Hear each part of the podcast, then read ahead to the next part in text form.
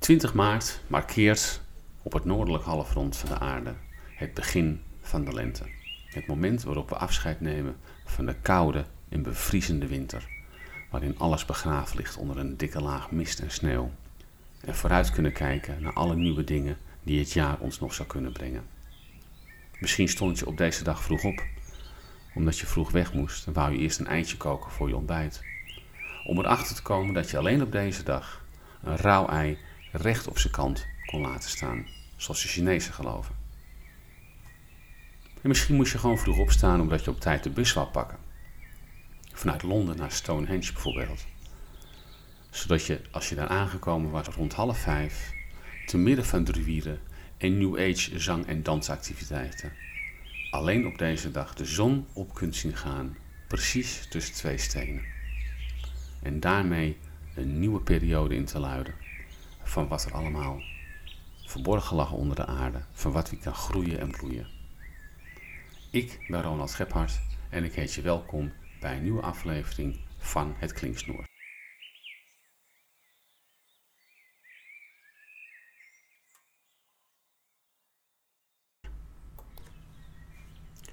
Op veel plaatsen in de wereld zie je dat de winterperiode een seizoen is waarin we huiselijk en warm bij elkaar zijn.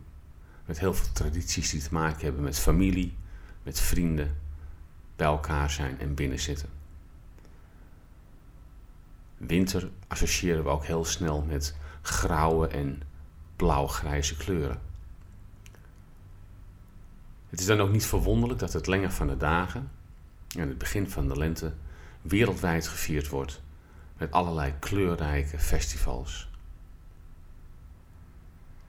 Zo vindt er in Japan het Hanami Festival plaats, het festival van de kersenbloesem. In Bosnië staat het ijs centraal, een vruchtbaarheidssymbool bij uitstek. Daar viert men op 1 maart het Kimburiara Festival, festival van het gebakken ei. In Lanark in Schotland doen ze het iets anders. Daar rennen kinderen rond de kerktoren, die de Kirk wordt genoemd. En terwijl ze rond de kerktoren rennen, hebben de kinderen in hun hand een touw. En aan het touw zit een prop papier. Het prop papier en het touw zwaaien ze over hun hoofd. En de kinderen lopen om de kerktoren heen tot zes uur s avonds. Wanneer de kerkklok na zes maanden gezwegen te hebben weer gaat luiden.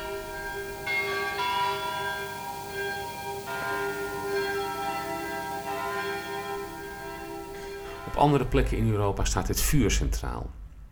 In Oostenrijk viert men het Sexeloiten, waarbij een sneeuwpop, of in ieder geval het hoofd ervan, wordt gevuld met allerlei knalvuurwerk en vervolgens in brand wordt gestoken. Hoe sneller de sneeuwpop ontploft, hoe beter en hoe warmer de zomer gaat worden. In Valencia, in Spanje, viert men het Vallesfeest waarbij poppetjes, niños genoemd, van papier maché, ook worden gevuld met knalvuurwerk en worden verbrand.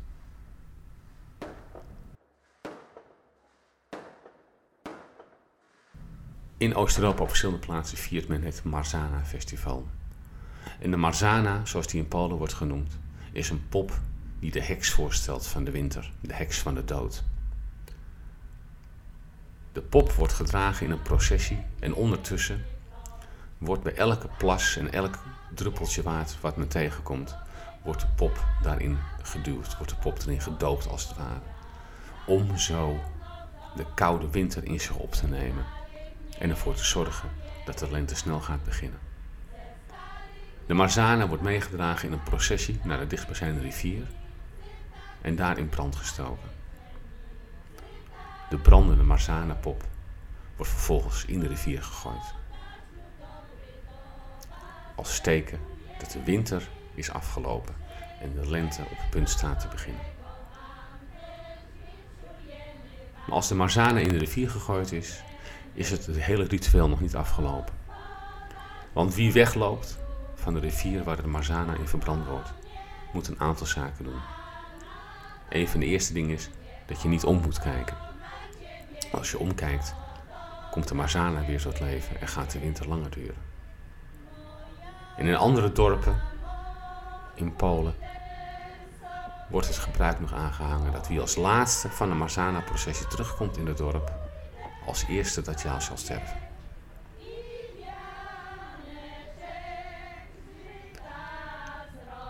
De zon, het ei, het vuur, allemaal symbolen van een nieuw begin. Bij Stonehenge kan je dus de zonsopgang zien. En bij Chichen Itza, de belangrijkste stad van de Maya's in Zuid-Amerika, is ook dat fenomeen te zien bij de grootste tempel. Maar als je nu ochtends opgestaan bent, je hebt je ei rechtop laten staan, je hebt in Stonehenge de zon op zien komen tussen twee grote steden. Misschien kan je de dag dan beter af gaan sluiten in Chicago. Door de manier waarop het stratenplan gemaakt is van deze stad, zie je elk jaar op 20 maart over de hoofdstraat van Chicago de zon precies tussen twee gebouwen weer ondergaan. Waar ze eerder die dag opging, boven Stonehenge of Chichen Itza. In Scandinavië wordt verteld van de keer dat de lente lang op zich liet wachten. Het was maart en de winter duurde voort. Het was overal koud. De mensen wachten nog geduldig af. En het werd april en het bleef koud en winterig. En het werd mei. Alle rivieren waren nog bevroren. Alle meren lagen onder een dik pak ijs. En overal lag nog de sneeuw van maanden her. En toen het juni werd, riep de burgemeester van een dorpje in Scandinavië de mensen bij elkaar. En hij vertelde mensen, ik heb slecht nieuws. Het is officieel, we krijgen dit jaar geen lente. De lente wordt vastgehouden door de oude vadertje Vorst, door de oude koning Winter.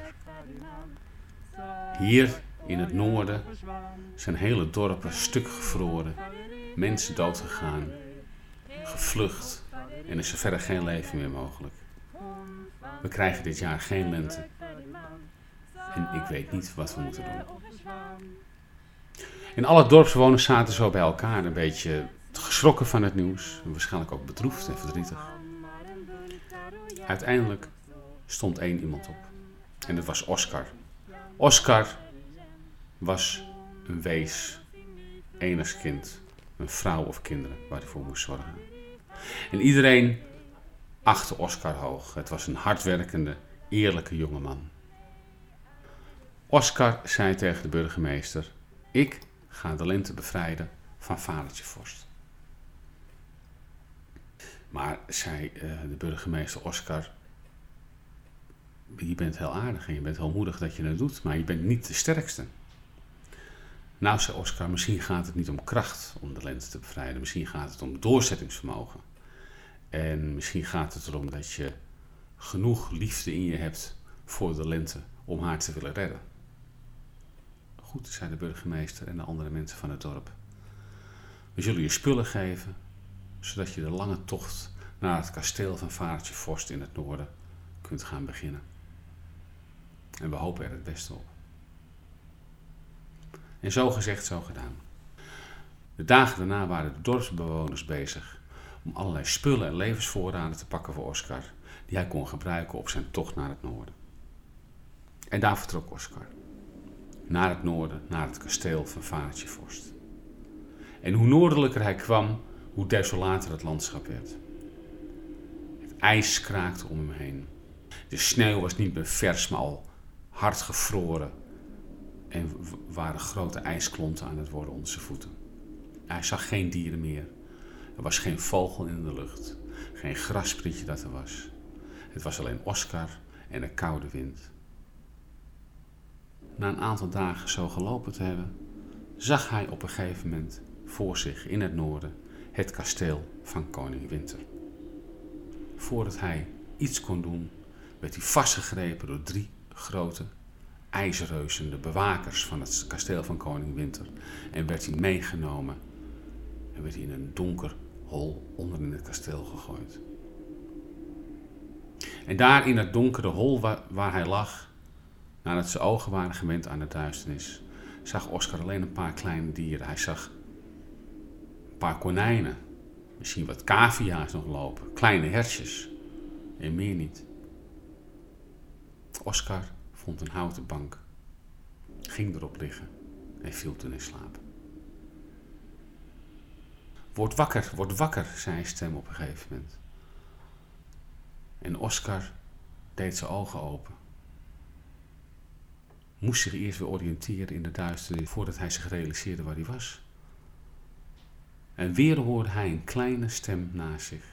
Word wakker, word wakker. En Oscar wilde zich omdraaien van de bank en viel pardoes op de grond. En toen hij naar zijn eigen handen keek, schrok hij. Want in plaats van handen zag hij daar de grote klauwen van een ijsbeer. En Oscar probeerde op te staan op zijn, op, op, op, op, zijn benen. En hij voelde aan zijn hele huid. En hij merkte dat zijn hele lichaam was veranderd in dat van een hele grote ijsbeer. En hij werd heel bedroefd en hij moest ontzettend gaan huilen. En weer hoorde hij de stem. Hier, hier, kijk hier. En voor zich zag hij een heel klein ijskonijntje. Wit als vers gevallen sneeuw. Met donkere ogen die hem heel mooi en indringend aankeken. op het moment dat Oscar het konijntje zag, werd hij zo gevangen door honger en bloedlust dat hij niets liever wilde dan het kleine konijntje pakken en verslinden en opeten. En hij maakte een grote sprong. Ja, het konijntje. Maar het konijntje was sneller en rende voor hem uit. En Oscar, op zijn vier nieuwe berenklauwen, rende achter het konijntje aan. Door de gangen van het donkere hol. Van de ene uithoek naar de andere. En op een gegeven moment dook het konijntje een hol in. En Oscar kon er niet meer bij komen. En Oscar stak zijn poot door het gat in het hol en probeerde het konijntje zo te pakken. En toen hij zijn klauw probeerde terug te trekken, lukte hem niet, want hij zat klem. En hij werd nog bozer. Hij probeerde zich alle macht los te rukken, maar het lukte hem niet. Op een gegeven moment was Oscar zo uitgeput dat hij het opgaf. En toen realiseerde hij zich wat hij gedaan had. Hij had een klein konijntje achterna gezeten en hij had haar willen opeten en willen vermoorden. En het klein, kleine konijntje sprak met een hele zachte, lieve stem. Wees niet bang. Ik kan je helpen. En Oscar, die zich realiseerde dat hij geen ijsbeer was, maar dat Oscar was, gekomen om de lente te bevrijden uit de handen van koning Winter, werd rustiger. Het konijnenstemmetje zei tegen Oscar: Als je mij een gang laat gaan, dan heb ik een manier waardoor jij niet meer zo bloeddorstig en boos zult worden en achter me aan zult gaan. Maar dan moet je me wel vertrouwen. En Oscar die had niet zoveel keus. Dus hij zei tegen het konijntje, ik vertrouw je. Wat wil je doen? En het konijntje zei, ik zal je hand tatoeëren op je klauw. En elke keer als jij weer bevangen wordt door de bloedlust van de ijsbeer, moet jij je klauw voor je gezicht houden. En zul je zien wie je werkelijk bent. En Oscar vertelde zijn naam. Liet zijn klauw rustig liggen in het gat, in het konijnenhol. En het witte konijntje tatoeëerde zijn naam op zijn klauw. En toen het konijntje klaar was, hielp ze Oscar bevrijden uit het gat. Door zelf een stukje weg te graven. En Oscar zag zijn naam in mooie sierlijke letters op zijn rechterklauw getatoeëerd.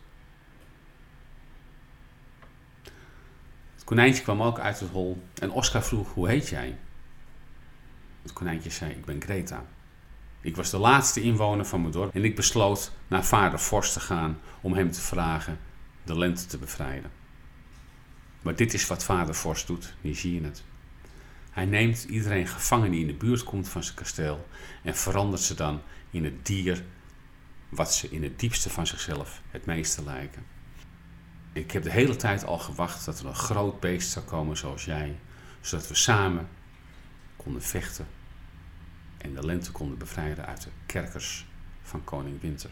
Alle beesten die je hier ziet, alle konijnen, alle herten, allemaal zijn ze ooit mensen geweest. Jij bent het eerste grote dier wat hier naar binnen gekomen is. Oké, okay, zo Oscar. En, en hoe, wat wil je gaan doen? Nou, zei Greta. Wij zijn al bezig een gang te graven uit dit hol. Die, volgens mijn berekeningen, precies uit moet komen onder de cel, onder de kerker, waar de lente gevangen wordt gehouden door koning Winter.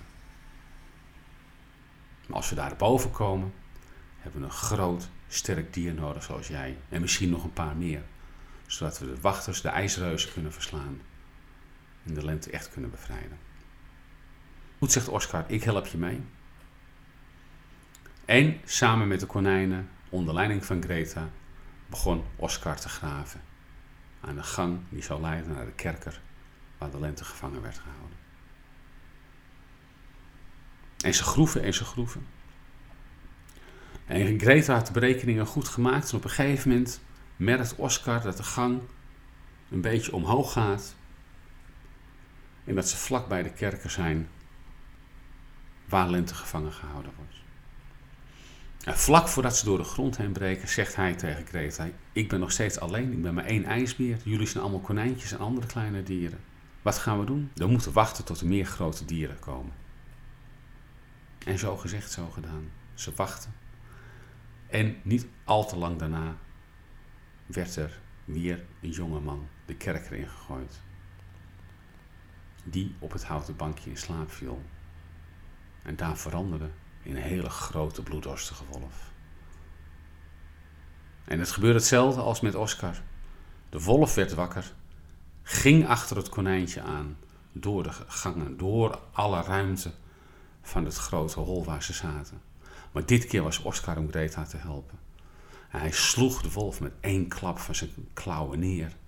Hij pinde de wolf vast op de grond. En Greta vroeg aan de wolf hoe hij heette. En de wolf gaf zijn naam. Thomas. En Greta tatoeëerde de naam van Thomas op de klauw van de wolf. En nu waren de wolf en de ijsbeer samen. Oscar en Thomas. En ze wachten nog een paar dagen. En toen werd er weer een jonge man naar binnen gebracht. En die veranderde in een grote oranje tijger. En even later kwam er weer een binnen en die veranderde in een hele grote, sterke eland. En na een paar weken zo gewacht te hebben en elke mogelijkheid aangegrepen te hebben, had Greta samen met Oscar een aantal andere grote dieren bij elkaar, zodat ze net een klein leger waren. En op dat moment waren ze klaar om door de grond te gaan naar boven en om de lente te bevrijden.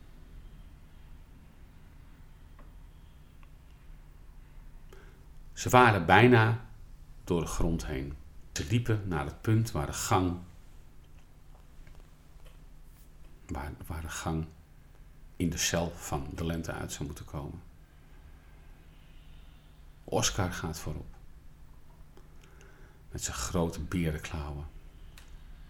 Beukt een paar keer tegen het plafond, wat eigenlijk dus de vloer is van de kerker.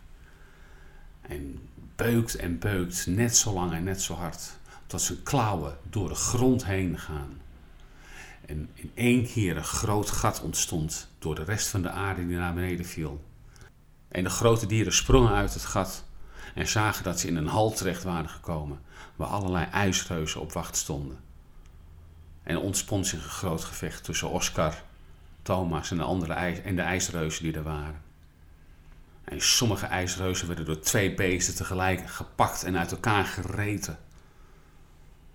En overal vlogen splinters van ijs om hen heen. En nadat ze de laatste ijsreus verslagen hadden, konden de beesten en de konijnen om zich heen kijken om te zien waar de lente was.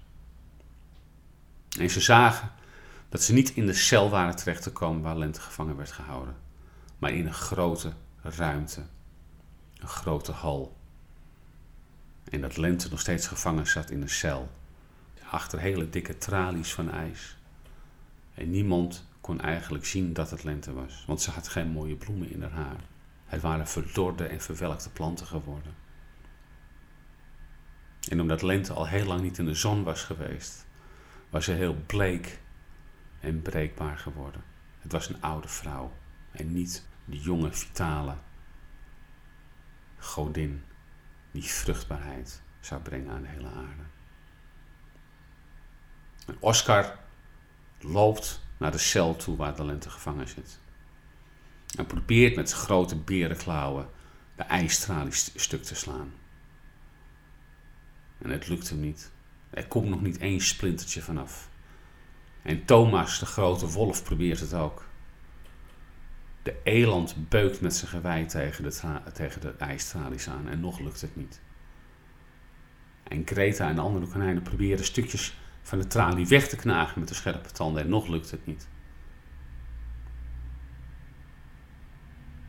En zo zijn ze bezig totdat Greta op een gegeven moment zegt: Laten we proberen samen de tralies weg te halen. Alle dieren gaan bij elkaar staan, kruipen bij elkaar op een hele grote kluwe, zodat ze samen heel veel warmte afgeven. Ze leunen tegen de ijstralies aan. En om de beurt wrijven ze dan zo met hun warme lijven, die ze opwarmen aan elkaar, tegen de tralies. En op een gegeven moment zien ze dat het effect heeft en dat de tralies beginnen te smelten. Op het moment dat de dieren dat zien, worden ze natuurlijk heel enthousiast. Dan worden ze blijer en daarmee nog warmer van elkaar en met elkaar. En de tralies smelten nog meer. En uiteindelijk lukt het de beesten om de tralies, de ijstralies van de cel waar lente gevangen zit te smelten. En kunnen ze lente omarmen en meenemen naar buiten. Alhoewel het buiten koud is, schijnt er wel de zon. Op het moment dat lente de zonnestralen op zich voelt, gaat haar bloed weer stromen, krijgt ze een blos op haar wangen en wordt ze weer vanzelf een jonge vrouw, de jonge godin. Op dat moment dat dat gebeurt, komen er weer bloeiende bloemen in haar haar. Het haar wat grijs en broos was, krijgt langzaam weer een volle graangele kleur. Lente doet haar ogen dicht. Voelt de zonnestralen op haar. Spreidt haar armen en laat de sneeuw om zich heen langzaam smelten. En op dat moment komt vadertje vorst zelf aan. In zijn slee, voortgetrokken door vier witte rendieren. Die zo koud zijn dat als je wel bij ze in de buurt komt, je zou verstenen. Je zou verstenen van de kilte en zou bevriezen. En vadertje Vorst wil nog één keer proberen om Lente weer gevangen te nemen en terug te zetten. Nou, hij pakt zijn toverstaf, die ook gemaakt is van ijs. Hij wil daarmee iets doen. Maar op dat moment loopt Lente naar hem toe. Zegt: Je hebt verloren, vadertje vorst. Ga in je kasteel. Blijf daar tot het weer jouw tijd is, tot het winter is. En je mag heersen over de aarde. Voor een aantal maanden, maar niet voor altijd. Na mij komen de zomer en de herfst. En daarna is het jouw beurt. Ze raakt zijn toverstaf aan met haar hand. En met de kracht die zij inmiddels gewonnen heeft, laat ze de toverstaf van koning Winter smelten.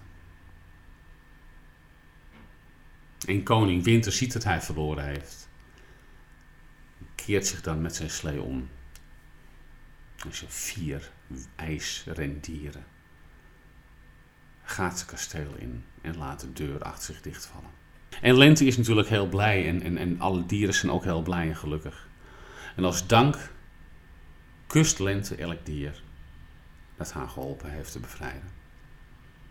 En op dat moment dat ze dat doet, veranderen alle dieren weer in hun oorspronkelijke gedaante. Op het moment dat Lente Greta kust, verandert zij in een hele mooie, donkerharige vrouw met twee gekleurde ogen. Oscar ziet haar en vindt haar misschien het mooiste meisje dat hij ooit gezien heeft. Lente zegt tegen iedereen: Jullie hebben mij bevrijd. Dank je wel, nu kan ik doen wat ik moet doen. De aarde klaarmaken, vruchtbaar maken voor de krachtige stralen van de zomer.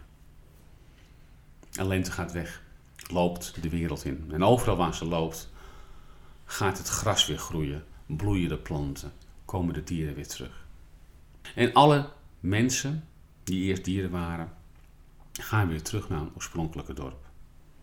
Totdat alleen Oscar en Greta overblijven. En Oscar vraagt, wat ga jij doen? En Greta zegt, ik kan niet meer terug naar mijn oude dorp. Dat is helemaal vernietigd. Alle mensen zijn overleden, zijn vergaan. En ik was de laatste overlevende. Dan, zei Oscar, neem ik je mee naar mijn dorp. Dan kom je bij mij wonen. En zo gebeurt het dat Oscar naar het noorden gaat om Lente te bevrijden van vadertje Vorst. En terugkomt met de mooiste vrouw van Scandinavië, met donker haar en twee kleuren ogen. En hij meeneemt naar zijn eigen dorp, daar met haar trouwt en nog heel lang door blijft leven. Aan iedereen elke keer weer het verhaal vertellend hoe het hem gelukt is de lente te bevrijden en vadertje vorst te verslaan. Je hebt geluisterd naar de zevende aflevering van het Klinksnoer. Het begin van de lente. Laat weten wat je van deze podcast vindt via Stitcher, Soundcloud, iTunes of hoe je hem verder ook beluistert. Mailen kan ook naar klinksnoer.gmail.com. Voor nu wens ik iedereen een goed begin van de lente en hoop ik jullie over twee weken weer te kunnen verwelkomen als luisteraar van deze podcast.